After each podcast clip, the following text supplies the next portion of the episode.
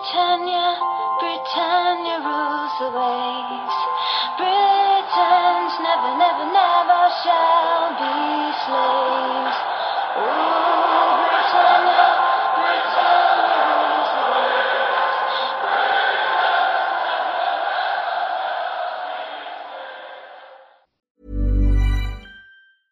Hiring for your small business? If you're not looking for professionals on LinkedIn, you're looking in the wrong place. That's like looking for your car keys in a fish tank.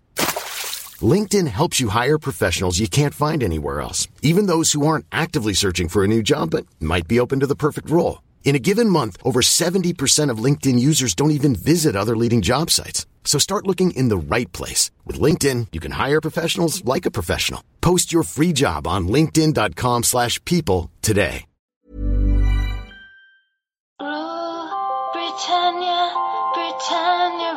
The.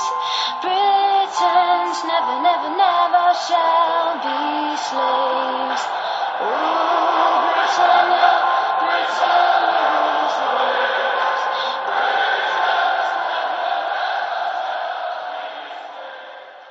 Hej och välkomna till avsnitt 137 utav Svenska FPL-podden. Vi har ett landslagsuppehåll som börjar lida mot sitt slut och vi kikar fram emot Game Week 8 i Fantasy. Vi spelar in idag tisdagen den 12 oktober och agendan för dagens avsnitt är att vi ska göra en snabb landslagskoll eller ska jag snarare kalla det för en skadekoll. Det har varit en del flaggor som har poppat upp, vissa kanske mer allvarliga än andra. Vi ska kolla lite hur det står till där. Vi kommer även med rekommendationer på spelare inför Game Week 8 och framåt och en kaptensdiskussion inför Game Week 8 och avslutar med era lyssnarfrågor. Ehm, vi eh, kanske ska börja kika in lite eh, hur, hur, vi, hur vi ligger till och hur vi funderar kring, kring byten. Jag, jag har inte gjort något byte än. Eh, har någon av er gjort det? Om vi börjar med dig Fredrik. Nej, inte än, men det, det kommer ju behövas minst ett i alla fall. Det, det är en sak som är klar. Mhm. Har, har du två fria eller? Nej, jag sitter ju tyvärr bara med ett, men eh, Ja. jag, vet, ju- alltså jag har ju en liten udda hobby som, som kallas för vexillologi. Det är alltså läran om flaggor och det passar rätt bra med mitt bygge med, med fem flaggor. Eh, Så att, eh, det är liksom bara att välja vem man, vem man ska plocka. Ja. Stefan, hur många flaggor sitter du med? Eh, Ja, vi ska kika här. Det har ju blivit några stycken. Fyra får jag ihop det till.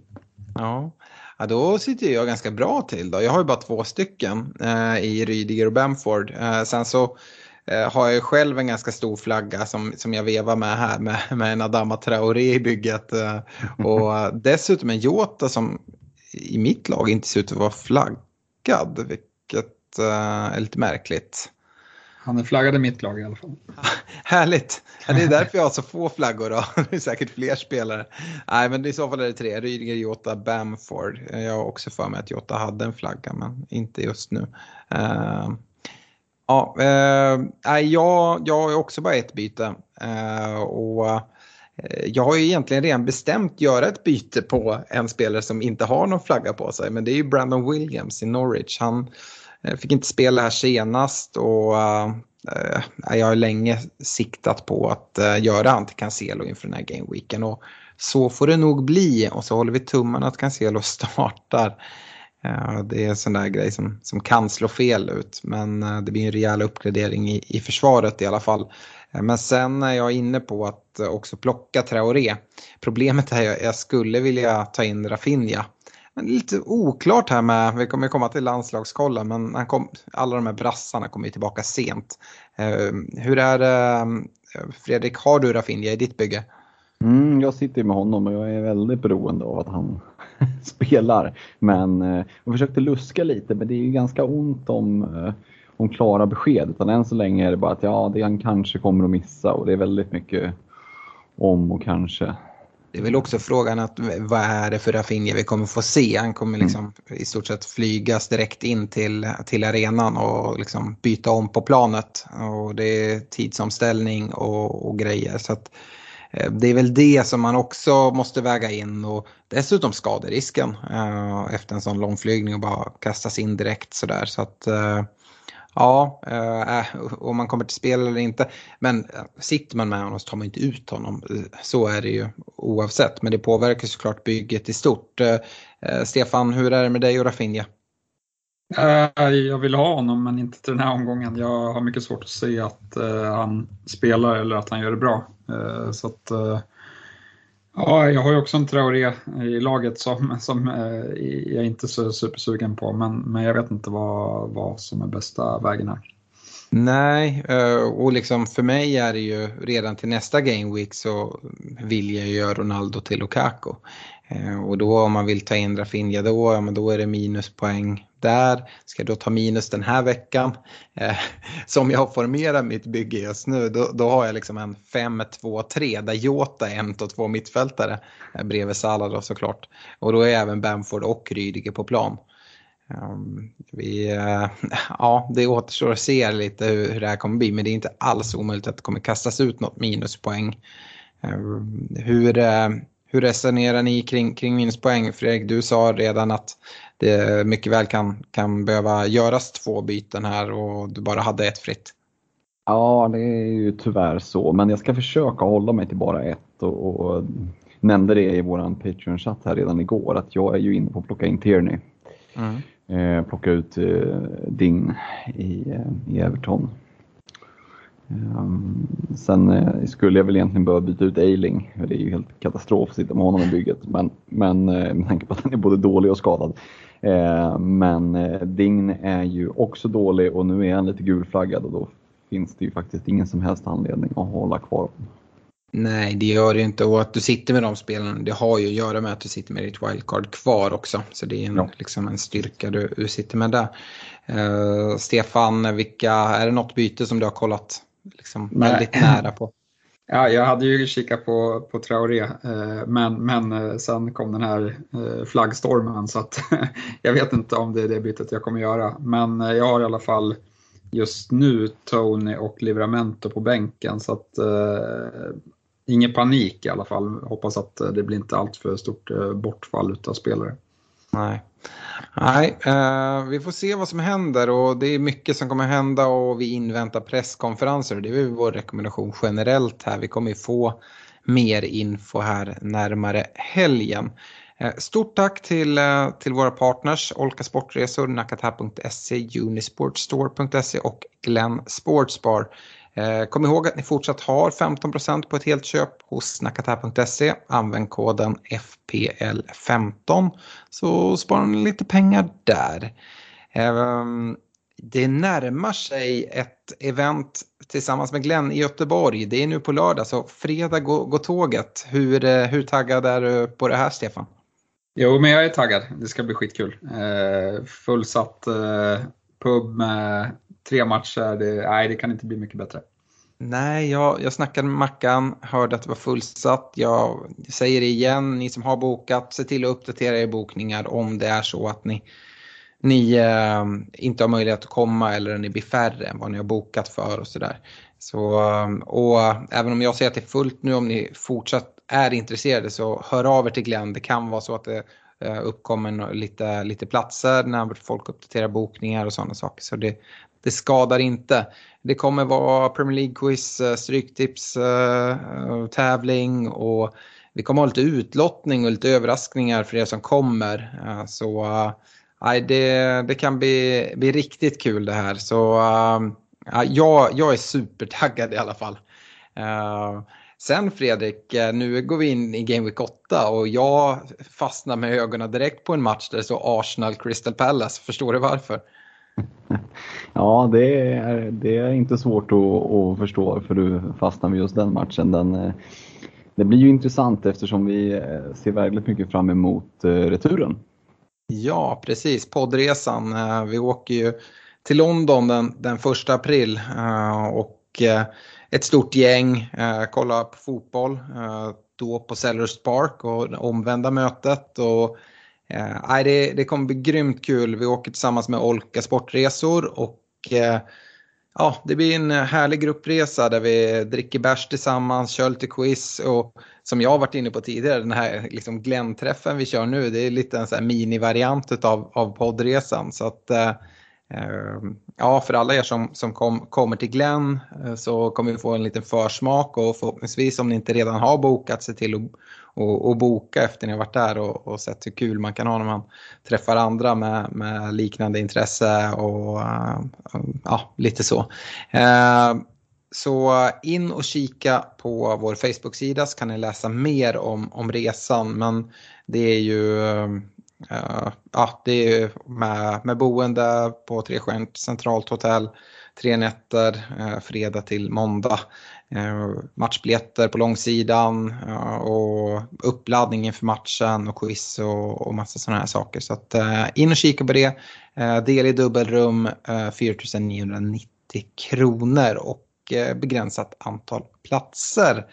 Eh, och ehm, vi ska ju definitivt slå ett slag för, eh, för att bli Patreon också. För att nu är det lite sista chansen på, på flera saker. Dels har vi utlottning av ett presentkort på 1000 kronor hos Unisport Store och ett presentkort på 2500 kronor hos Olka Sportresor.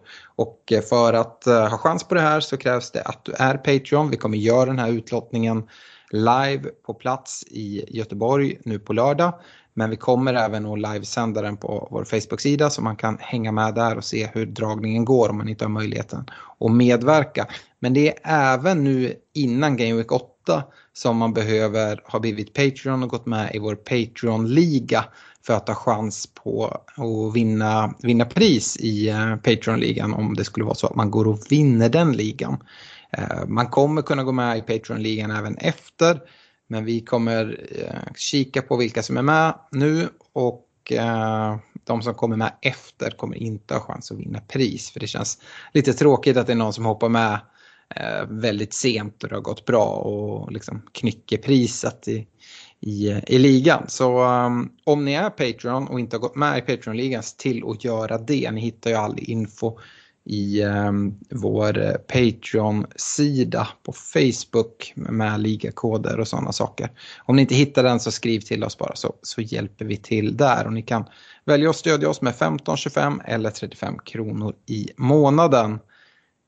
Yes, eh, jag sa att vi skulle börja med en landslagskoll, skadekoll. Vi har redan börjat prata om massa flaggor. Men eh, vi kan väl köra lite lagmässigt. Eh, Fredrik, om man kikar in i Liverpool, jag nämnde Jota som fick eh, lämna Portugal med någon form av muskelskada. Jag vet inte exakt vilken, om det har kommunicerats något eller om du har hört något som, som mer initierad Liverpool-supporter. Eh, men eh, Jota är väl lite sådär tveksam till spel. Ja, det är ju väldigt mycket som sagt, om och kanske. Och deras förbundskapten där var ju väldigt liksom vag i, när han gjorde något uttalande. Och det, det, eh, äh, det känns ju inte alls bra som Liverpool-supporter att Jota äh, känns så osäker och det känns ju mycket möjligt att han kommer att få inleda på bänken om han ens är med i truppen äh, mot Watford. Så att hade jag suttit med honom i bygget hade jag varit rejält orolig. Eh, I dagsläget kanske inte så orolig så att jag prioriterade att byta ut honom för att de allra flesta lag innehåller nog ännu större bränder än så. Men eh, nej, eh, orolig. Både, både i, som Liverpool-supporter och om jag hade ägt honom i fantasy. Mm, Firmino har inte varit iväg med, med Brasilien så uh, han, uh, han räknar med att man ska komma till spel. Han ska ju vara, vara frisk här och uh, det är väl frågan lite med Mané som har varit iväg med landslaget eh, när han, när han kommer tillbaka. Spelade väl i, tidigare idag tror jag. Eh, mm. Gjorde 90 för Senegal. Precis, men det är väl inte jätteotänkbart att vi får se den gamla firman i, i Salah och Firmino och Mané där framme från start mot Watford. Det är min gissning i dagsläget i alla fall. Uh Eh, visst manfall blir det väl ändå i Liverpool. Det har väl redan kommunicerats ut att Allison inte kommer stå och att eh, Fabinho inte kommer komma till spel va? Ja, det blev ju en liten maktkamp där när Liverpool först försökte flytta matchen. Eh, det var inte Watford eller Premier League speciellt sugna på. Och sen bad man då att få hem spelarna tidigare från landslaget och det var väl han Tite eller vad fan vet det. Han var ju rätt tydlig med att de är uttagna för att spela tre matcher och då kommer de att stanna tre matcher också. Det finns inte på kartan och det, det är väl en följd, liksom, en ganska naturlig följd av eh, hur Premier League-klubbarna agerade i förra landslagsfönstret. Och Alltså alla har ju sina intressen att bevaka. Är man förbundskapten så vill man ju såklart ha de bästa spelarna tillgängliga. Mm. Så det är ju vad det är. Ehm, nu är det väl inte jättemånga som kanske sitter med just Fabinho och Allison i, Nej. i fantasy, men det försvagar ju Liverpool ska ju sägas. Mm. Så att, det är ju ändå en till, till nackdel liksom för ja, om du sitter med Robertson till exempel. Så, så minskar ju chansen att hålla nollan om du inte har Fabinho och, och eh, Alisson på plan. Ja, och det är väl någonting som också borde göra att eh, Liverpool inte eh, kommer rotera speciellt mycket på övriga positioner. Man vill väl ställa upp med, med ganska starkt lag då, uh, kan jag tänka mig. Jag mm. läste mm. någonting, jag tror det var tidigare idag, om att Trent ändå ska vara redo här, precis som Klopp lite hoppades på tidigare att han skulle vara tillbaka direkt efter landslagsuppehållet. Mm, det är de signalerna vi får så att, eh, precis som du är inne på så tror jag att han vill få tillbaka så många som möjligt nu när det är lite manfall. Yes, uh, och Stefan, för en gångs skull så är det väl ett uh, ganska skadefritt Arsenal va? Ja, nej, men det har ju sett allt bättre ut på skadefronten. Får hoppas att spelet kanske kan se ut så också. bättre alltså. Ja. det ska ju in med mycket poäng eh, förhoppningsvis de här fram till nästa landslagsuppehåll om, om det ska fortsätta klättras i tabellen. Och eh, ja, nej, det är väl bara eh, hoppas att formen eh, håller i sig. Mm. Härligt. Eh, Manchester United har ju lite problem med sina mittbackar. Varann eh, klev av lårskadad här i Nations League. Eh, och eh, det är någon lårskada där. Ser ut som att han eh, kan missa Eh, nästan hela november här. Och, eh, eller missa fram till november. Och eh, det är ett ganska jobbigt spelschema United har så att det påverkar ju en del. Lägg där till då att Maguire redan har problem med sin vad och, och förmodligen kommer missa. Som tur är så hade Victor Nilsson Lindlöf den liksom goda tajmingen att se till att, att bli nybliven pappa här under landslagsuppehållet. Så att han ska ju vara redo i alla fall så det blir lite speltid för Vigge. Eh, får se vem, vem man formerar bredvid. Jag vet inte, Baji status på honom och, och sånt där.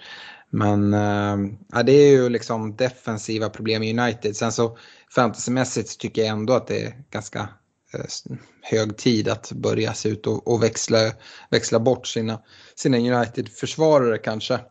Men äh, ja, det är läget i United. Eh, Chelsea har ju haft en del skadeflaggor och sånt där. Men eh, där är vi lite inne på det som Stefan pratade om tidigare. Att, ja, men hur, hur allvarliga är de här skadorna? Eh, Rydigers rygg för Tyskland. Det lät ju som att det inte skulle vara allt för allvarligt. Lukakos muskeltrötthet låter verkligen som en sån här. Jag tror inte att den hade kommit om Belgien skulle spela final i Nations League. Men när det är match om tredje pris ganska lätt att känna efter lite extra va? Um, det är i alla fall min, min känsla. Det, delar du det Fredrik? Nej, det får ju överseende med Lukaku. Han är inte så vältränad. Så det finns nej, mycket muskler att bli trötta i. Om ja, inte exakt. Precis.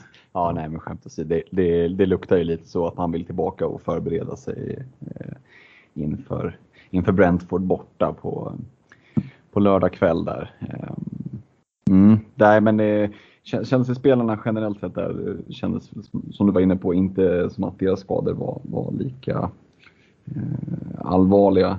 Jag tycker det är ett annat lag när vi pratar skador som, som är intressant. Och det är inte så egentligen mycket kopplat till vad som har hänt under landslagsuppehållet, eller det har ju hänt men inte kopplat till just eh, landskamperna. Det är Everton. Eh, och det är säkert en hel del som sitter med lite olika tillgångar därifrån. Och, eh, Calvert Lewin börjar närma sig återkomst. Richarlison kan till och med vara tillbaka. Seamus Coleman, Iwobi, André Gomes, de börjar fylla tillbaka sitt lag nu och eh, det tror jag kan vara väldigt, väldigt viktigt. Det, det är klart att det kommer att bli, liksom bli en större konkurrens för en sån som Demara Gray, men det är ju ändå eh, första elva spelare som kommer tillbaka. Så jag tror på sikt ändå att det är positivt för dem att laget kommer att bli bättre. Eh, och när väl Kevin Lewin är tillbaka så ja, vi vet ju det. Får han bara liksom komma igång ett par matcher då kommer ett fint spelschema här framåt. Game Week 14-15 där. Eh, mm. Så det är väl lagom om han hinner slussas in här nu Game Week 8-9, göra ett par, par matcher, komma igång lite och sen så trycka in honom igen. Mm, ja, verkligen. I Chelsea ska vi även säga det, Reece James är väl på väg tillbaka med sin ankelskada och i United ska man också säga att Rashford verkar uh, komma tillbaka lite tidigare. Han ska väl vara igång här, gjorde, gjorde en träningsmatch eh, under landslagsuppehållet inför stängda dörrar, gjorde mål direkt. Eh, jag tror inte han är speciellt långt borta. Skulle bli förvånad om han startar här i, i Game Week 8 borta mot Leicester. Eh, det kanske är och kanske får börja med något, något inhopp eller sådär. Men uh, han är inte långt bort och det kan ju få påverkan för speltid för, för Greenwood och, och sådär som finns i en del byggen. Men som jag var inne på i United tycker jag det är läge att börja se sig om och eh, plocka ut de spelen och sen hälsa dem välkomna sen om några game weeks istället när, när spelschemat har, har, eh, har bytt, eh, bytt färg om man säger så. Ehm, jag är väldigt nyfiken på Bamford och hans ankel, men jag har inte hört någonting. Eh, Stefan, har du hört något mer om eh, vår kära Bamford? Nej, det har jag tyvärr inte gjort. Eh, men ja, senast när jag läste på om honom, om honom så var ju Game Week 8 i, i liksom riskzonen i alla fall. Så ja, vi får, där får man ju verkligen avvakta. Mm. Jag har sett att en Callum Wilson är tillbaka i träning med hans lårskada. Är det någonting som eh, kan påverka Saint Maximin tror du Stefan och, och hans roll? Eh, nej men det, ja, jag tror inte att det är negativt. Det känns som att Maximin har fått varit väldigt ensam. Eh, jag tror att det är positivt om Wilson kommer tillbaka. Eh, sen så eh, ja, Wilsons skadehistorik är väl inte jättelovande här så att eh, vi får se hur länge han håller sig skadefri. Mm. Uh, vi kommer komma till kaptensdiskussion om inte allt för lång tid men uh, jag såg att uh, Siralta i Watford har en hamstring och helt klart missar den matchen. det är ju ingenting som, som eh, påverkar Salas kaptens eh, möjligheter här till, till, eh, till helgen. Så det tar jag gärna emot. Jag såg även att Trincao hade drabbats av covid i Wolves. Och, jag vet inte om man verkligen letar om det kan, kan det betyda att Traoré kan få spela mot Villa. uh, det, det lär inte betyda. men man, man, hoppas och liksom greppar efter varje, varje halm, halmstrå. Um, Ja, det är väl liksom lite av de flaggorna men det jag vill säga med det här är väl att man verkligen vänta in presskonferenser innan, innan man gör byten för att det är svårt att liksom prioritera vilka bränder det är man ska släcka med, med sina byten och vad får jag ihop för lag. Är det värt att ta minus eller ska jag liksom ta det lite lugnt här? Eh, det är väl det jag vill, vill skicka med ut.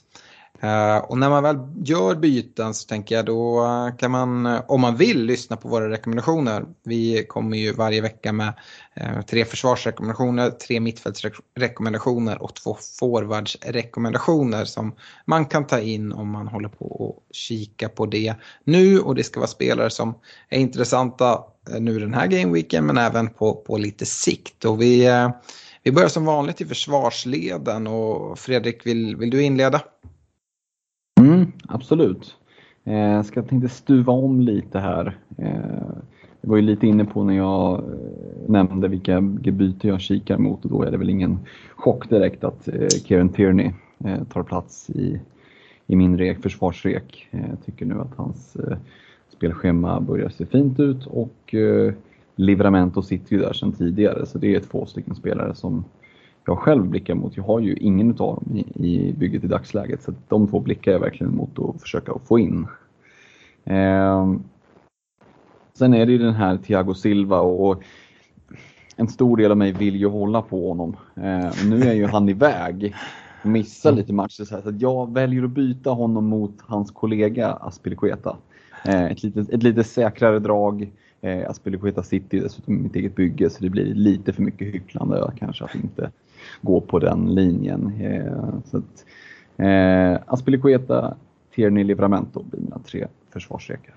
Ja, härligt. Eh, Stefan, har du några, några andra rekar? Jajamän. Eh, hos mig sitter Trent, Cancelo och Livramento. Mm. Eh, Livramento är vi alla tre eh, överens om. Eh, Southamptons spelschema kommande fem nu. Det är dubbla hemmamatcher mot Leeds Burnley. Sen är det Watford borta, Villa hemma och Norwich borta. Eh, Livramento som en 4, han är uppe på 4,2 nu men jag väljer att referera honom som en 4,0 försvarare då många har suttit med honom en längre tid.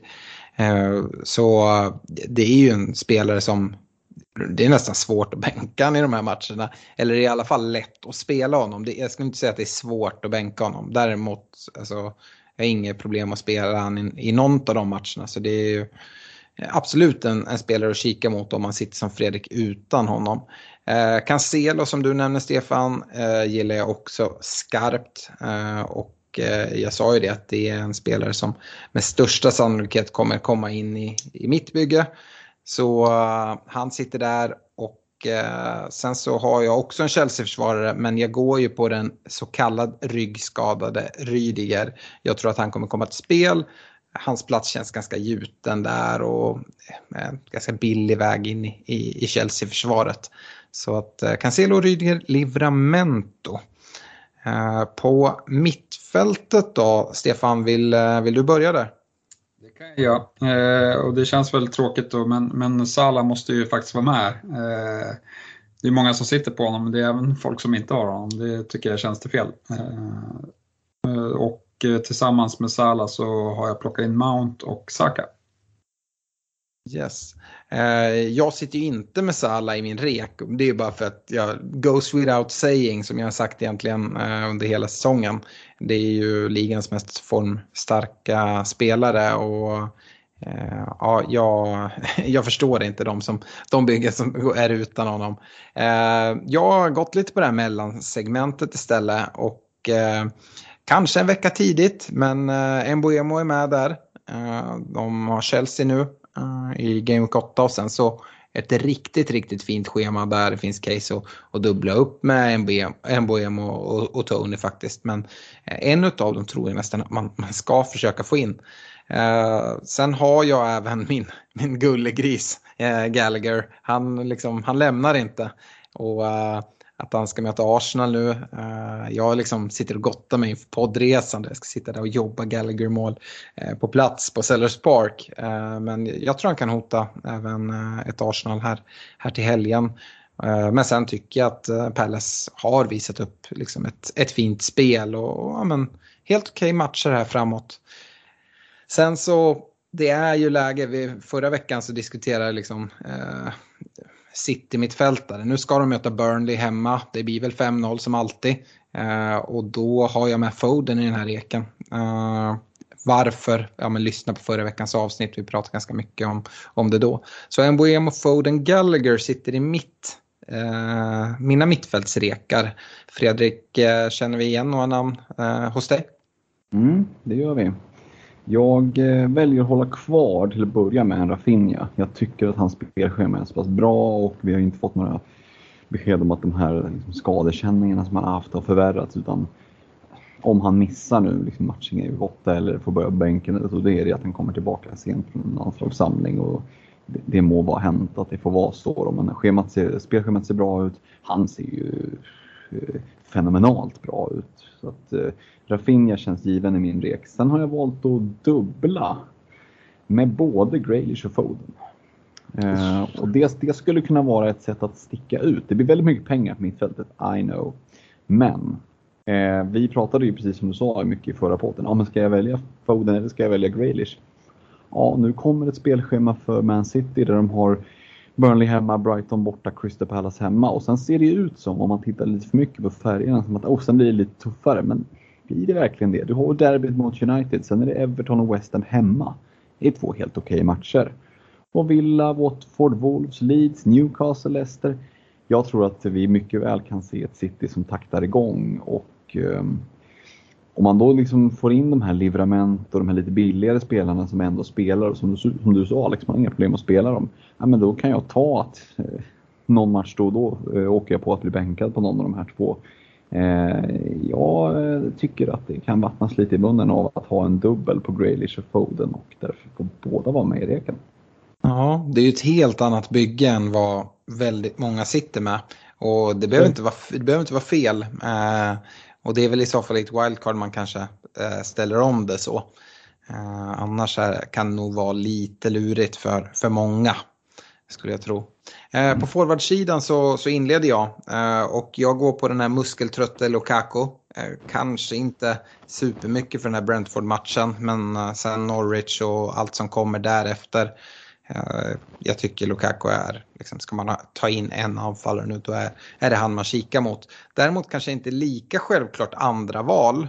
Eh, jag eh, kollar mot Armstrong i Southampton. Jag gick igenom schemat när vi pratade Livramento och då är det ändå Southamptons defensiv. Jag sa det att Livramento, han har man inga problem att spela. Armstrong, han tar man in och han spelar man. Som sagt, dubbla hemmamatcher mot, mot Leeds och Burnley. Ja, tackar. Watford borta, Villa hemma, Norwich borta. Det är kommande fem. Där startar man alla de fem matcherna. Så ehm, ja, jag tog in eh, en Mboemo på mittfältet och det kanske var en vecka för tidigt som jag var inne på men då har man redan honom inne. Har man honom på mitten då kanske man klarar sig utan Tony på topp nu när Brentfords schema kommer. Så att, eh, Nej, jag gillar Armstrong och då har man Leeds hemma här i, i Game Week 8 där Leeds har en del skadebekymmer och kommer inte ställa upp med sitt absolut bästa lag. Så eh, nej, jag, jag gillar den både på kort och, och medellång sikt. Eh, Fredrik, eh, hur ser dina anfallsrekar ut? Mm, ryggar Lukaku direkt. Eh, den känns ju given. Men sen väljer jag att jag har haft Antonio där ett tag.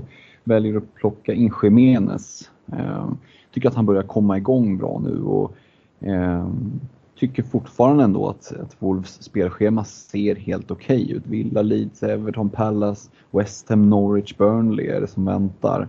Eh, och Jiménez känns ju som en sån spelare som, är han i form, då gör han ju mål mot, alltså inte nästan vilket motstånd som helst, men han är liksom inte beroende av att möta Norwich varje vecka. Eh, så att eh, nu när han börjar känna som att han börjar hitta tillbaka till, till gammal form så känns eh, Jiménez som ett intressant alternativ.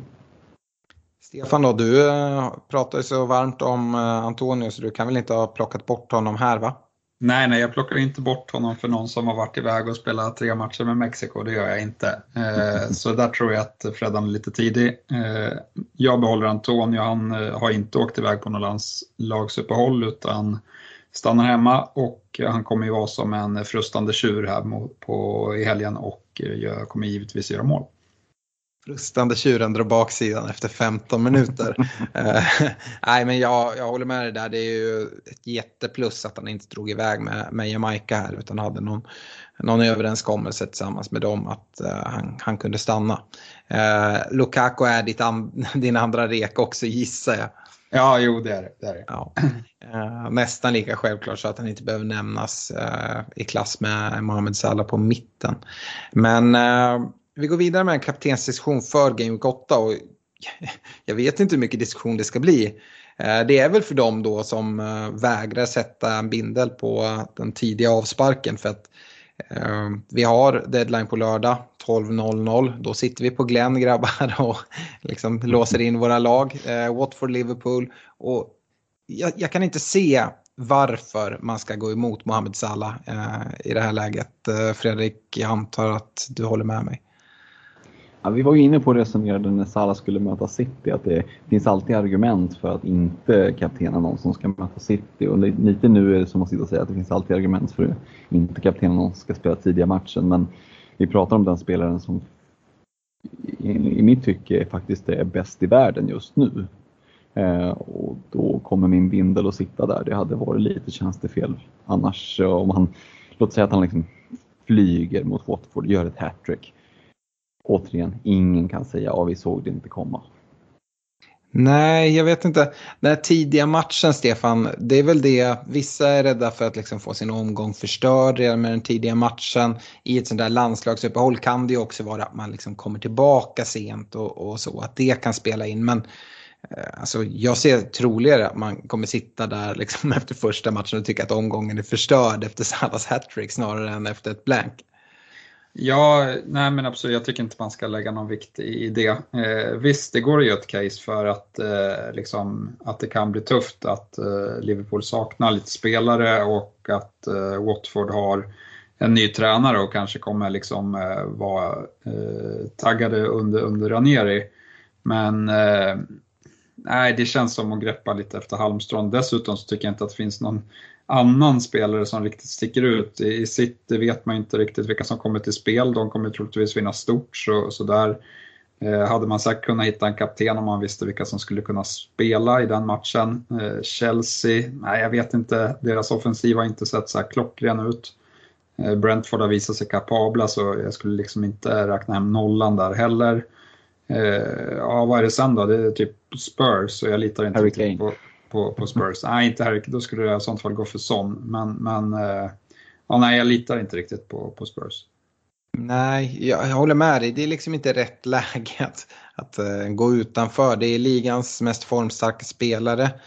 Uh, Watford har inte imponerat. Visst, det är en ny tränare i, i Ranieri, men vi vet inte riktigt vad det kommer innebära. Eh, du är inne på det i City och det skulle väl vara, det är en väldigt låg ägarandel, men en Kevin De Bruyne eh, hemma mot Burnley.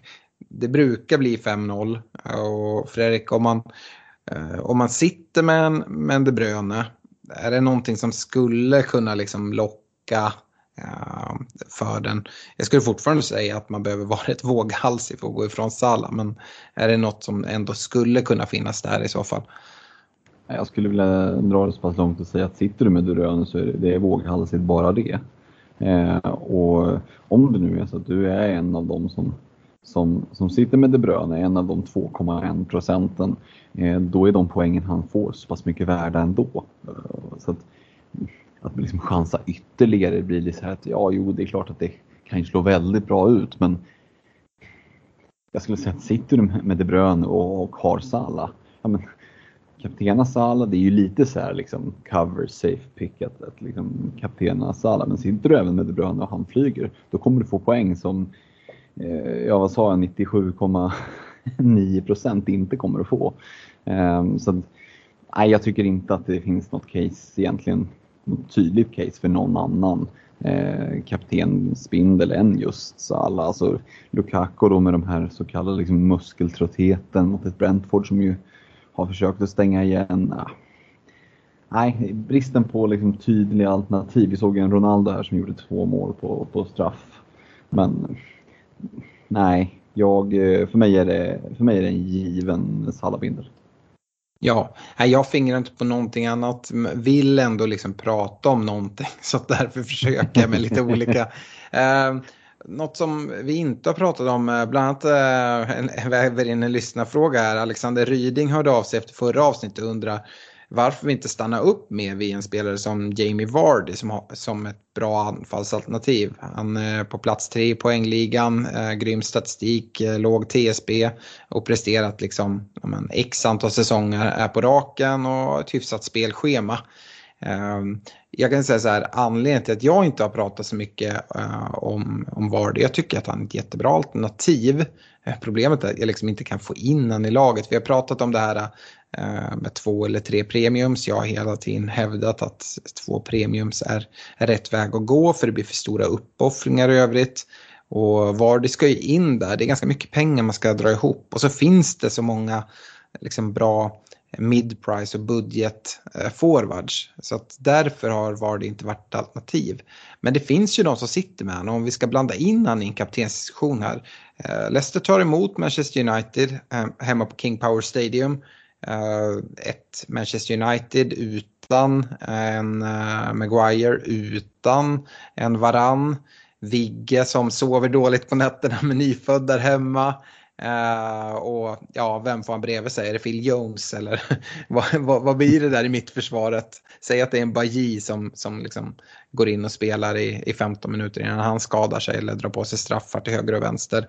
Jamie Vardy nu då för en, nu pratar vi liksom inte för Eh, liksom, för oss tre. Utan nu pratar vi om de här människorna som eh, inte är rädd för att sticka ut utan som söker de lägena med kaptensalternativet uh, Game Week efter Game Week. Och här sticker man ju verkligen ut. Jamie Ward mot Manchester United, uh, Stefan.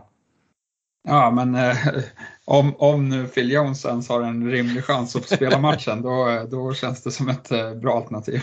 Ja, då, då så tar du in honom nu och så skiter du i Salla. Ja, exakt. Eh, nej, men det, är väl, eh, det, det går väl såklart att, att, göra så. Jag hade inte gjort det, men, men om man vill chansa så. Mm. Uh, nej, och det är det jag säger. Fredrik, uh, tänker du, vi gör det ju inte, men skulle det inte kunna vara så att det kanske till och med är det bästa alternativet efter en Mohamed Salah och eventuellt en Kevin De Bruyne då? Ja, jo, du bygger ju upp ett bra case för det. Eh, sen vet jag inte, alltså mellan Jamie Vardy och Romelu Lukaku så kan jag nästan tycka att det är lite dött lopp. Eh, mm. Det är många som sitter med, med båda de två, då kanske man tar Salah. Men för mig känns det liksom ja, antingen eller. Det är ju en jättechansning oavsett vem du går på, tycker jag. Därför att du blir så otroligt straffad om Salah flyger. Då spelar det ingen roll om du sitter på en Jamie Vardy eller en Lukaku eller en De Bruyne eller vem man nu hittar på. Um, det är roligare tycker jag att chansa på de här lite mer udda när det finns ett par olika kaptensalternativ som är liksom självklart, för då sprids det lite mer. Jag tror att vi kommer att se ett eh, effektivt ägande på Salah som är skyhögt. Mm. Och då blir det liksom inte bara att du ska försöka träffa binden på någon annan, men den blir det att det blir liksom lex Game Week 1 förra säsongen. Eh, mm. Med risk för att tjata jag drar upp det. Men det är så jävla tråkigt att ryka på att man, nej, men jag skulle, liksom, skulle ha lite kul och satte binden någon annanstans och så torskar jag liksom 20 poäng på det. Eh, det är såklart att det, det kan ju slå rätt men eh, ja, jag vet inte. Inte den här veckan. Det ska bli kul nere på Glenn och köra någon handuppräckning på, på kaptensalternativ. Se om det är någon som vill, liksom, verkligen vill sticka ut där och, och verkligen jobba här tidiga matchen och sitta och liksom skrika när Salla bränner lägen och bara yes, yes, yes. Uh, ja, det blir intressant.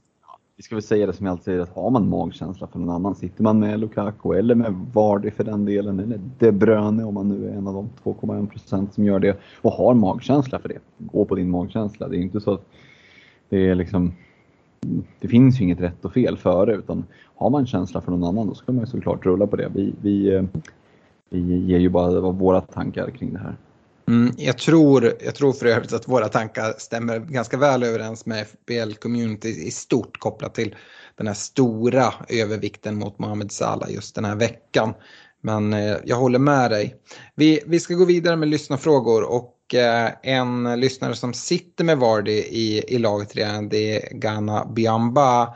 Eh, Stefan, han undrar eh, hur det kommer vara mellan Leicester och United i, det, i den matchen. Han har både Ronaldo och Vardy och undrar om vi tror båda gör bra ifrån sig eller om man borde byta ut någon av dem inför den här eh, gameweeken. Ja, nej, det, det, kan väl bli en målrik match med, med de förutsättningarna vi har pratat om här eh, inledningsvis. Eh, Visst, ett byte med, om man hade tänkt sig plocka in Lukaku så, så om man får bekräftelse att han är redo för Brentford så kan man ju göra det bytet redan nu, in, anser jag. Då liksom, han kommer vara lika tungt kaptenad i Game Week 9 som Salah är eh, i Game Week 8. Eh, så om man inte vill eh, sitta utan honom så, så är ju det ett byte jag hade kikat mot eh, där då. För den här gameweeken tycker jag att det är ganska dött lopp mellan en Ronaldo och en Lukaku oavsett. Så jag tycker att det är inte byte man behöver prioritera den här veckan. Eh, och eh, som sagt, jag är ganska säker på att eh, liksom, de flesta har, har andra byten som man, som man vill göra. Uh, och skulle väl till och med kunna liksom lägga ett case för att om du inte har något annat byte att göra och bara ett byte att jag ändå inte hade gjort det utan sett till att ha två byten till, till nästa vecka istället. Uh, och där ett av de bytena används får jag göra en uh, Ronaldo till en Lukaku. så, så, så resonerar jag kring det. Um, Fredrik Josef Tornell hör av sig. han spelar sin första säsong för, uh, i FBL och har precis hittat vår podd vilket är superkul. Uh, han skulle gärna vilja höra oss resonera lite kring hur vi tänker kring med pengar på banken um, och ta minuspoäng, hur vi använder liksom, användandet utav chips. Och, um, du får gärna börja där, vi kan väl börja i den ordning som man själv nämner, liksom pengar på banken. Hur, hur ser du på det? Ja, men det är en intressant del i det hela. Eh, om man är som jag ganska restriktiv med att ta minuspoäng då, då hamnar man ju titt som tätt i sådana lägen där man gör byten. Eh, man kanske plockar ut, eh, låt säga en Mason Greenwood. Eh, plockar in en ganska mycket billigare mittfältare, kanske en, eh, en Gallagher eller en Gray eller en Mbuemo. Eh, löser en massa pengar men man har bara ett fritt byte och känner liksom inte att ah, minus fyra Spara dem där för att nästa vecka kunna växla upp. Du var inne på en Brennan Williams till Cancelo till exempel. Eh, bra exempel på ett sånt byte som man kanske inte vill dra minus fyra för om man sitter liksom massor med, med, med, folk som inte kommer att spela. Eh, så i den aspekten tycker jag att det kan funka ganska bra att man stretchar och så. Sen är det väl över en hel säsong sett så ska man väl försöka ha så mycket pengar ändå ute på planen som möjligt. Jag tror ju att det på sikt. Det brukar vara så att de, de som kostar mest har mest poäng eh, med några få undantag. Så det finns ju inget självändamål i och det är lite som en bostadsrättsförening. Du ska inte spara pengar på, på banken i onödan men det är aldrig fel att ha dem där. Nej, just pengarna på, på banken. Jag tycker att det är skönt att ha i början åtminstone 0,5 för att vara med liksom i prisförändringar. Nu är inte det lika viktigt för att ja, men, prisförändringar kommer ju såklart nu också men nu har alla står på lite olika prisnivåer men i början så är ju alla med 0,5 intervaller. Eh, så det är lätt att liksom bli, bli utprisad bara för att det blir en sänkning på en av dina spelare med 0,1 eller en höjning för någon du vill ha med 0,1. Så därför tycker jag det är skönt i början. Eh, nu så här mitt i spelet tycker jag att eh, man inte behöver ha pengar på, bänken, eh, på banken egentligen. Eh, däremot så är det ju bra att göra någon form av plan. Man kollar på spelschemat över några gameweeks fram. Att, ja, men då kommer jag vilja ha in ja, men, till exempel många sätt, ja, men nästa gameweek då vill jag plocka ut Ronaldo och ta in Lukaku. Nu är det en billigare spelare. Men om det är tvärtom då kan man se till att ha pengar på banken av den anledningen inför ett sånt byte när man Eh, ska växla spelare för byten som man planerar att göra. Sen är det inte säkert att man gör exakt de bytena. Ehm, men att man har möjlighet till att göra dem. Och liksom att man på så sätt planerar. Eh, men annars är jag nog, liksom, trycker jag nog gärna in pengarna i, i mitt lag om jag har den möjligheten. Om jag inte har någon liksom, tydlig plan med det. Eh, sen så den här säsongen tycker jag varit lite speciellt. Jag tycker vi har många fina budgetalternativ på Eh, kanske framförallt på mittfältet eh, som har gjort att det har eh, blivit så att man har haft en del pengar på, på banken för att men, de här mid-price mittfältarna börjar bli liksom, ganska ointressanta många utav dem. Och liksom de som ligger pris, priskategorin precis under, där finns det liksom väldigt många intressanta. Det som jag liksom håller som minst lika troligt att de tar, tar samma poäng. Och ja, då, då hamnar man lite i det läget. Men det, sånt där kan ju liksom ändras också under, under säsong. Men, men så resonerar jag kring, kring pengar på banken. Han hade lite andra äh, frågor och, och minuspoäng. Jag kanske kan bolla över frågan till, till dig där Stefan. Äh, hur, hur du resonerar kring minuspoäng. För det går ju att, att spela på väldigt olika sätt. Ja, precis, men eh, generellt så, så är det väl ändå smart att försöka hålla sig eh, borta från minuspoäng i, i den utsträckningen det går. Eh, men sen finns det ju såklart människor som är skickliga på att liksom dra minus och få in rätt kapten till, till en omgång till exempel eller liksom ha bra känsla för, för spelare. Så det, det är inte liksom uteslutande att, att det behöver vara dåligt. Men rent liksom för 80 eh, av människorna så ska man nog eh, ändå försöka hålla ner det där. Eh, och eh, kanske liksom fokusera på när man har mycket skador och sådana saker. Ja, generellt sett skulle jag ge det som ett tips om man inte har spelat så mycket tidigare. Att inte hela tiden hålla på och jaga den som tog liksom högst poäng förra, förra gameweeken och göra byten och byta ut spelare som ja, men som är ganska bra alternativ som du har i ett bygge men som kanske blankade förra gameweeken och så hade du någon annan i samma pris som, som gjorde bra ifrån sig. Utan fokusera bytena på att i första hand byta ut dina problem snarare än att liksom få in spelare som ja, du ser en liksom god möjlighet på. Eh, sen blir det där någon form av kombination. Det är klart man även måste attackera ibland och gå på spelare som man verkligen tror på. Och speciellt om det är liksom, Eh, kaptensalternativ. Då, då kan det även finnas case för liksom minus fyra. Men annars jag tycker det är väldigt skönt. Jag vet att du Fredrik är väl kanske den som eh, pratar mest om det. Att försöka i liksom största möjliga mån att spara till sig och sitta med två fria byten i, i så stor, stor utsträckning som, som det bara går. För att det är en väldigt, väldigt skön del att, att kunna sitta med. Jo men absolut och det är också lite kopplat till just minus. Att när jag väl vill dra fyra minus så föredrar jag att göra det i ett så kallat fattigmans wildcard. Att ha två fria byten, dra minus fyra och på så sätt få tre byten. För ja, det säger sig självt, har du tre byten kan du laborera på ett helt annat sätt och, och um, ändra lite struktur och sådär. Då, då blir det genast mycket enklare också att kunna kanske plocka in två spelare som du verkligen vill ha Eh, och som kan dela på, på bördan av minuspoängen och bara kanske bära minus två poäng var eh, lite när man sitter och räknar eh, poängen och summerar gameweeken. Mm. Eh, sen sista delen av den här frågan som, som Josef ställer det är ju användandet av chips. Och, eh, det är ju triple captain, free hit och bench boost om vi bortser från wildcardet.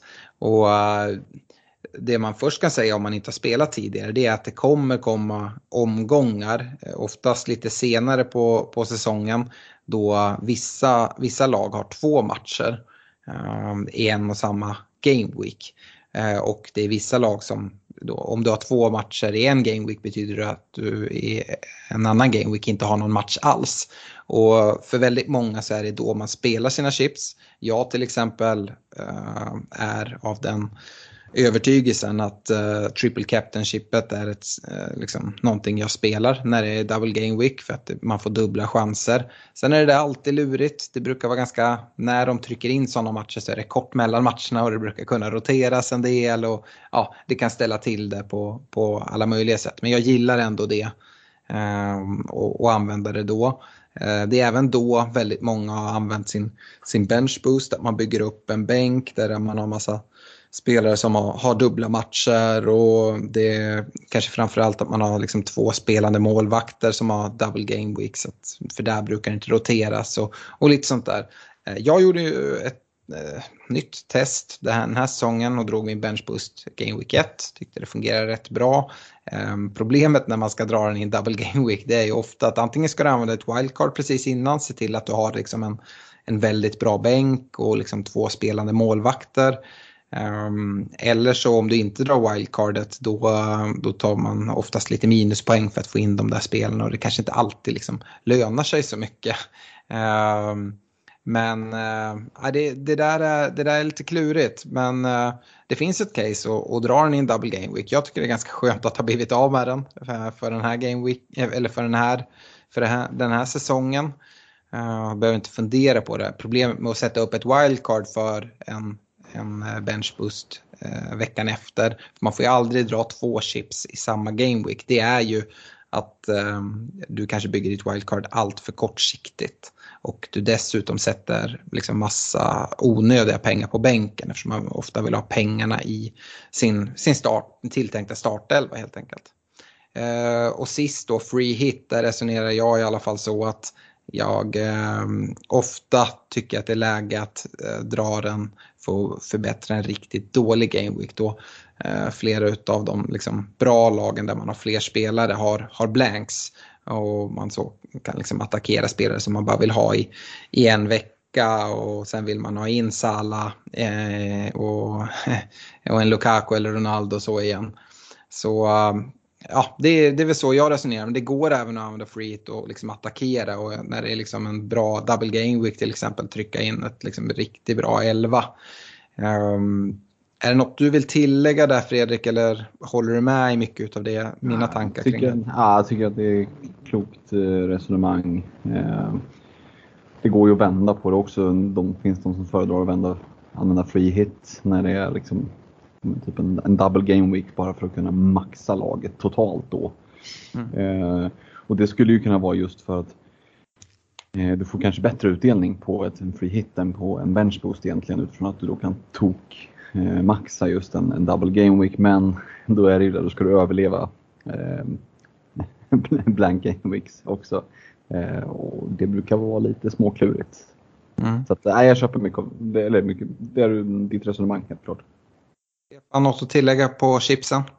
Ja, nej, men det skulle väl vara att varje säsong ser olika ut eh, beroende på hur det är med liksom blanks och, och double game weeks. Så att där kan man nog inte riktigt säga vad som är bäst. Nej. Eh, utan eh, ja, men det har varit lite olika från säsong till säsong beroende på hur mycket inställda matcher det är och hur svårt det är att navigera. Eh, är det väldigt få matcher i en vecka då kanske man Eh, då kanske det inte är så stor fördel att, att dra free hit där ändå för att de få spelarna som spelar, de kan, ja, det kanske inte blir så mycket poäng och då kanske differensen blir högre och, och liksom attackera dubbelveckor istället till exempel.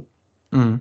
Eh, men det är egentligen free hit du framförallt pratar om. Triple captain delar du också min syn på att eh, det liksom är läge att dra den i, i en double game week även kan, fast det kan vara ganska klurigt. Eh, ja, eh, det ska väl väldigt mycket till om man inte drar den i en dubbelvecka känns det som. Eh, mm. Men, men helst kanske lite tidigare på säsongen där, där man vet att lagen har fortsatt mycket att spela för så att man får två matcher på sin trippelkapten där. Eller i slutet på säsongen då någon jagar en, en skytteligavinst eller liknande. Jo, absolut. Eller om något lag har jätteskadeproblem och heter Norwich. Eller, ja.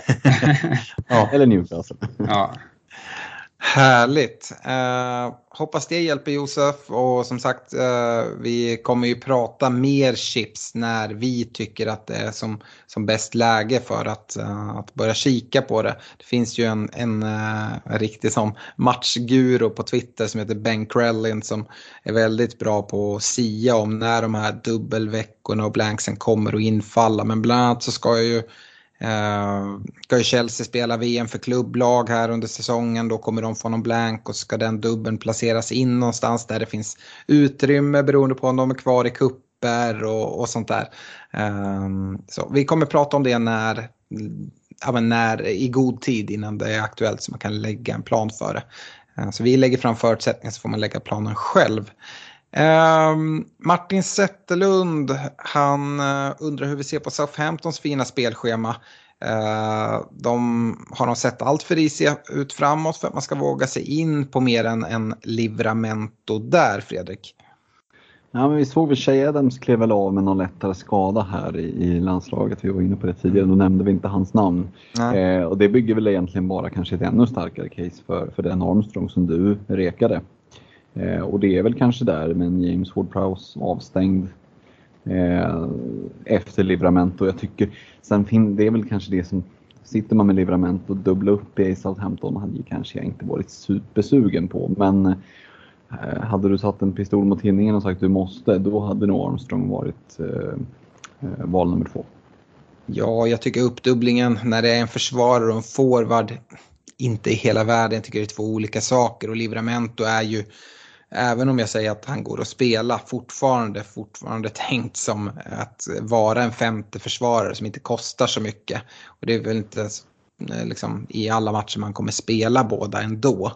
Uh, så ja, jag tycker absolut att det kan finnas ett case och som sagt han var med en av mina rekar samtidigt som jag rekar Livramento där bak. Mm. Så att uh, ja, jag, jag gillar absolut tanken där. Sett till det fina spelschemat. Stefan, vi har Patrik Ågren Axner som hör av sig. Han har fått en kanonstart och ligger på en overall rank på 7000. Däremot har han fastnat med en del tveksamma spelare och undrar liksom vem man ska växla ut först. Han har bland annat då Alonso, Traoré, Jota och Ronaldo. Han har ett byte men överväger även att kunna dra en minus fyra även om man är restriktiv med minuspoängen. Eh, ja, men när Jota borta så hade jag prioriterat eh, Jota tror jag, eh, först av alla eh, de där. Eh, då jag ja, men inte vill sitta med honom eh, när Firmino är tillbaka och matcherna är sådär. Eh, så, så han hade jag väl prioriterat, sen eh, Traoré eh, efter, efter det. Mm. Ja, jag, alltså, får vi definitiva besked kring, kring Jota så absolut. Annars är Traoré en sån större problemspelare just nu tycker jag. Eh, Ronaldo, det är ju ingen problemspelare som så. Det är mycket pengar och jag tycker att man växlar över honom till en Lukaku här. Eh, till, till nästa Game Week istället. Eh, Alonso däremot, eh, ja det är, det är en lurig spelare men eh, jag tycker att det är ingen jag hade prioriterat byte på så länge jag hade haft en, en hyfsad bänk. Det är ingen spelare jag hade tagit in i ett wildcard. Men han och, och Chilwell kommer ju eh, med största säkerhet rotera. Jag tror inte att Alonso är borta, han gjorde ju väldigt bra ifrån sig. De har ju Brentford, Norwich, Newcastle, Burnley kommande fyra. Eh, och nej, jag tycker det finns absolut case till att hålla kvar Alonso där. Det är inte så många som kommer ta in honom. Eh, så där kommer du då sitta med honom. Han startar man liksom varje vecka så hoppas man att han, att han spelar och att han inte blir inbytt. De här försvararna brukar inte vara att de blir inbytta superofta. Eh, så nej, Alonso tycker jag man sitter bra med. Men kul eh, och grattis till den fina starten Patrik. Och, jag tror du kommer lösa bra byten där. Uh, yes, du var upp, inne på uppdubbling Fredrik, så det här passar dig. Sebastian Perdin, han undrar vad tycker ni om att ha två mittfältare eller anfallare från samma lag? Ja, nej men absolut som du var inne på där med uppdubbling, att den blir ju extra tydlig när det är i samma, eh, i samma lagdel. Vad det gäller anfallet, där är, känns det ju spontant ganska risky att gå från samma lag i och med att det bara är tre anfallare. Det känns väldigt smalt. Mittfältet däremot tycker jag det kan finnas eh, helt klart alternativ. Vi har sett Salah Jota har varit ett sådant exempel. Ehm, och eh, ja, jag i min rek här nämnde ju Foden Graylish som att det skulle, då skulle kunna vara eh, en annan typ av uppdubbling. Som mm. ja, man tycker är intressant utifrån där kan vi snacka att du sticker ut utan att gå helt wild and crazy.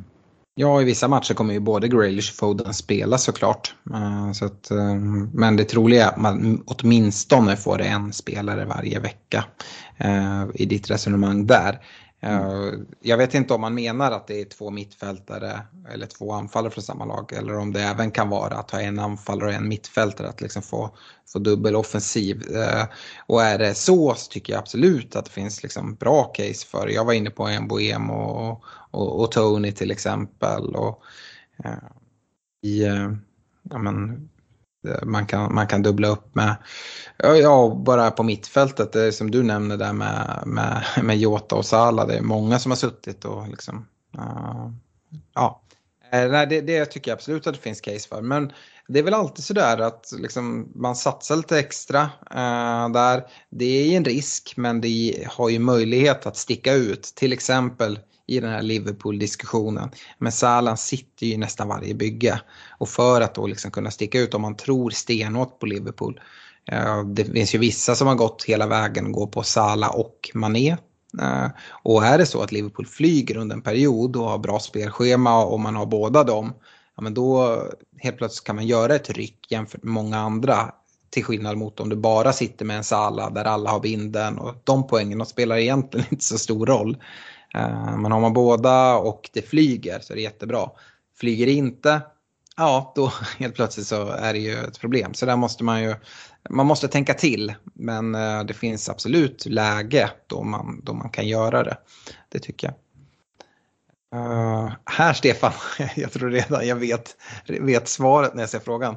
Fredrik Fidde Andersson, han tänkte gå utan Trent med två Chelsea och två City-försvarare. Hiss eller diss? Salah ska ingenstans och frontlinjen eh, är tänkt att landa på Antonio Jiménez och kanske Lukaku. Eh, ja, Trent, vi har ju pratat om det här. Jag är ju utan honom. Men om man liksom sitter nu och ska välja, ska jag gå utan honom eller ska jag inte i ett wildcard? Alltså, det går inte. Eller? Nej, nej, jag hade aldrig dissat Trent. Eh, jag tycker han är bäst i spelet. Eh, sen eh, Absolut, eh, det ser lockande ut att ha dubbla Chelsea, dubbla City. Eh, okej okay, alternativ, men det finns ingen som har samma offensiva hot som, som Trent har. Nej, nej, så är det verkligen. Eh, den andra frågan han kastar in, för det är därför jag säger att i ett wildcard-läge, det är att uh, han undrar, är Werner bara en dum idé i ett wildcard? Uh, om det blir Werner så får han även in Son på mitten och då antar jag då alltså att Lukaku blir Werner. Fredrik, ska, vi, ska vi säga något här? Ja, det, vi brukar ju vara försikt, ganska försiktiga med motorsågen mot våra kära lyssnare, men, men här tror jag att vi får ställa fram motorsågen och bara blicka lite på den och säga att håll kvar Lukaku och, och, och strunta i den, i den där Werner. Ja, jag förstår att sån lockar. Jag tror att uh, vi inte är jätte långt ifrån att ha något avsnitt där vi kommer prata lite mer som eh, med tanke på, på Spurs fina eh, Eh, spelschema och dessutom så är det någon vecka, undrar om det är Game Week 12 då eh, Spurs ser ganska fina ut och, och kasta in en kaptensbindel på då de möter, möter Leeds. Uh, um, då det i övrigt är lite svårare med, med kaptensbindeln. Men Uh, Eh, ja, nej, gå inte på Werner istället för Lukaku. Jag tycker man sätter sig i en ganska jobbig situation där. Eh, det är i alla fall mitt tips. Vill du sticka ut, kör bara. Eh, jag tänker inte säga att man inte ska göra någonting.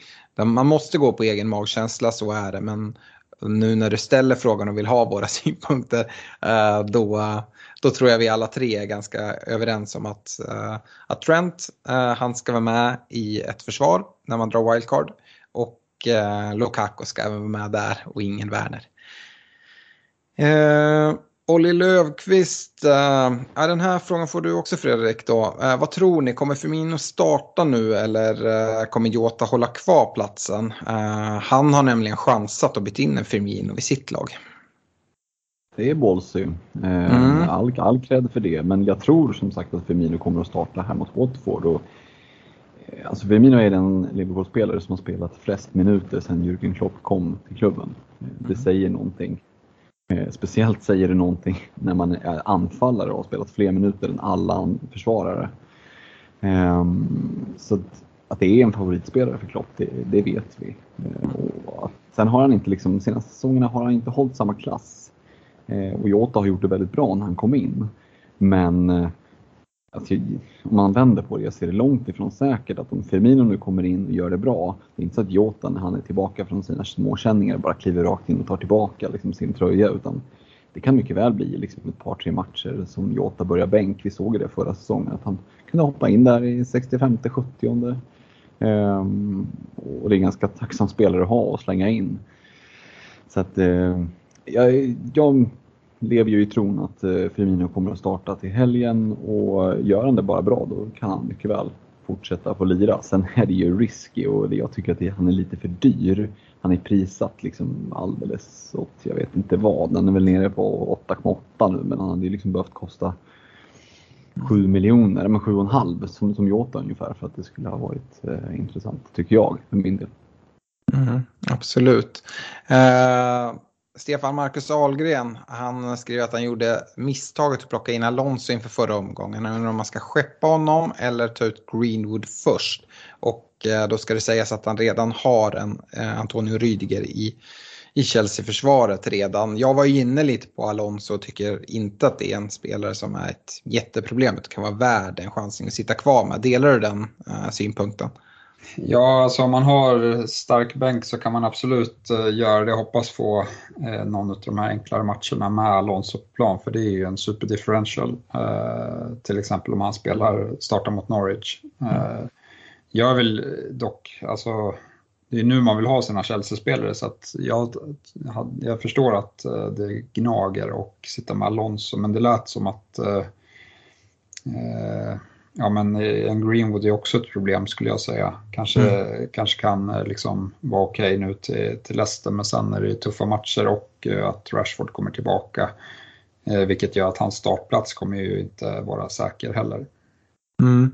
Eh, kan jag kasta in ett förslag där med Alonso att spara honom och sen kanske om möjlighet ges att göra ett sidledsbyte när man ser att Reece James har kommit tillbaka och göra en Alonso till en Reece James kanske. Vad tror du om, vad tror du om det? Ja, men det hade absolut kunnat varit något. Reece James är ju, när vi körde statistiken förra veckan, är ju liksom den enda som eh, kan matcha Trent offensivt sett, men det är ju, vi har inte sett så mycket. Han har spelat två matcher tror jag, eller något sånt där, så att eh, hans, eh, det kan ju vara boostat av att han gjorde en riktigt bra match mot eh, Arsenal såklart.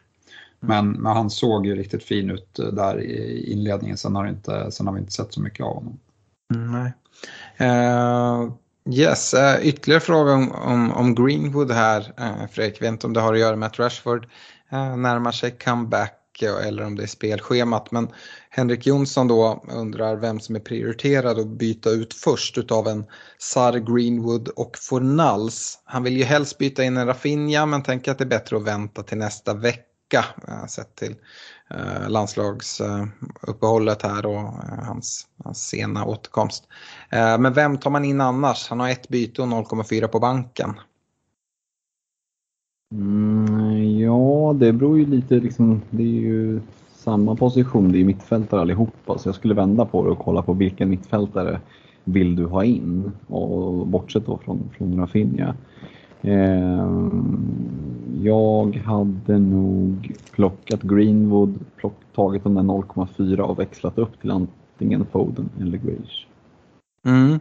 Problemet när han gör det, det blir ju då att han inte kan göra en SAR till en Rafinha nästa vecka. Sant. Uh, och jag tror, han är ju själv inne på det att han vill ha in Rafinha, vilket jag tycker är vettigt. Mm. Jag hade nog sett till att ha pengar för att göra nästa vecka, ta in Rafinha då som han är, är inne på. Uh, att han kan göra Fornals eller Sar dit, eller, eller Greenwood då beroende på hur han uh, prioriterar sitt byte. Um, vi har ju nämnt några andra uh, fina spelare uh, i liksom en lägre priskategori. Jag, jag rekade både Gallagher och en, en Boemo uh, på, på mittfältet. Och Stefan nämnde ju, nämnde ju Saka, men där har vi även en liksom, ännu billigare variant om man vill liksom, spara ytterligare pengar och, och gå på en Smith Rowe som, som även kan nämnas va? Ja, absolut. Ja, det, det det finns ju alternativ att välja på om man säger så. Så det är ju egentligen helt och hållet hur man vill lägga strukturen. Men, men eh, det är väl bra att det finns lite olika vägar att gå. Ja, Stefan, hur hade du prioriterat Sar, Greenwood, Fornals? Vem tycker du liksom är det största problemet?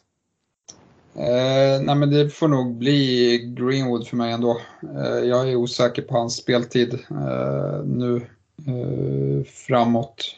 Eh, jag vet inte och, och det liksom kopplat med, med ett svårt spelschema gör ju att han inte är aktuell för mitt bygge och, och som sagt rätt dyr. Eh, jag hade nog kikat på, jag hade till exempel kikat på en Mason Mount eh, där. Mm. Där kommer vi även in på en av våra Patreons frågor, Fredrik Åkerlind som eh, vill liksom ha förslag på liksom en bra ersättare till Greenwood i samma prisklass eller, eller lite billigare. Det är en, en Mason Mount där, eh, en bra shout tycker jag. Uh, så um, uh, det är om man inte då dubblar upp försvaret. Uh, och det har vi varit inne på kanske inte helt knasigt att bara sitta med en, en Chelsea-försvarare ändå. Um, Yes, vi tar en sista fråga här. Eh, Fredrik, Ludvig Wallin, han är också inne på att Jota ska ut. Och, eh, nu kommer vi då sätta dig på pottan. Du tog den fega vägen i, eh, i rekarna och nämnde både Graylish och Foden. Han undrar, vem av Graylish, Foden och sen kastar han in en Torres, men han kanske vi nästan kan ta bort. Han undrar vem man ska slå till på när han plockar ut Jota. 10 000 kronors frågan. Eh, nej, det fanns ju en anledning till varför båda, men det är mycket möjligt att jag inför nästa vecka hamnar i den eh, situationen. Ja. Jag eh, köper mig lite pengar eh, med ett backbyte den här veckan och sen växlar ut just, eh, inte Jota, men, eh, men Greenwood för min del och siktar mot att plocka in en av de här spelarna. Jag kommer använda matchen mot Burnley, den här 5-0-segern som vi tror att det kommer att bli och se lite vem som får spela. Ja, Foden, Grealish säga den ena blir den andra. Men, men jag har väl, jag sa ju att jag lutade lite åt Foden förra veckan, men på lång sikt har jag ändå varit i Graylish-båten. Eh, så att jag väljer att hålla fast vid Graylish nu när många fluktar över till Foden för att han ser så himla fin ut. Det gör han ju, så han kommer ju leverera. Men jag håller fast vid Jack Grealish. Ja, och jag har ju Foden på min rek så jag går ju dit. Stefan, eh, innan vi då stänger igen butiken, vill, eh, vill du kasta in en röst här också? Nej, men jag hade gått på Foden faktiskt. Mm. Och då ska man veta att du är en stor Graylish-älskare. Ja, men jag såg att han eh, blev utbytt här i landslaget när det stod 1-1 hemma mot Ungern. Mm. Uh, Foden fick spela vidare. Så även Southgate verkar ju, verkar ju tycka att, att Foden bidrar mer just nu. Mer vila på, på Graylish hör jag. Ja, så kan det också vara. det går ju att spela det åt alla håll. Uh, nej men uh, med det så, så tackar vi för oss och vi hoppas att träffa många av er uh, i Göteborg på, på lördag. Eh, det ska bli riktigt roligt och eh, till er andra så eh, kommer vi komma med en livesändning på lördag då vi kör utlottningen för, för våra Patreons så vi kanske syns där. Stort tack för att ni har lyssnat och stort lycka till här inför Game Week 8. Ha det bra! Ha det bra! Ha det gott, tja!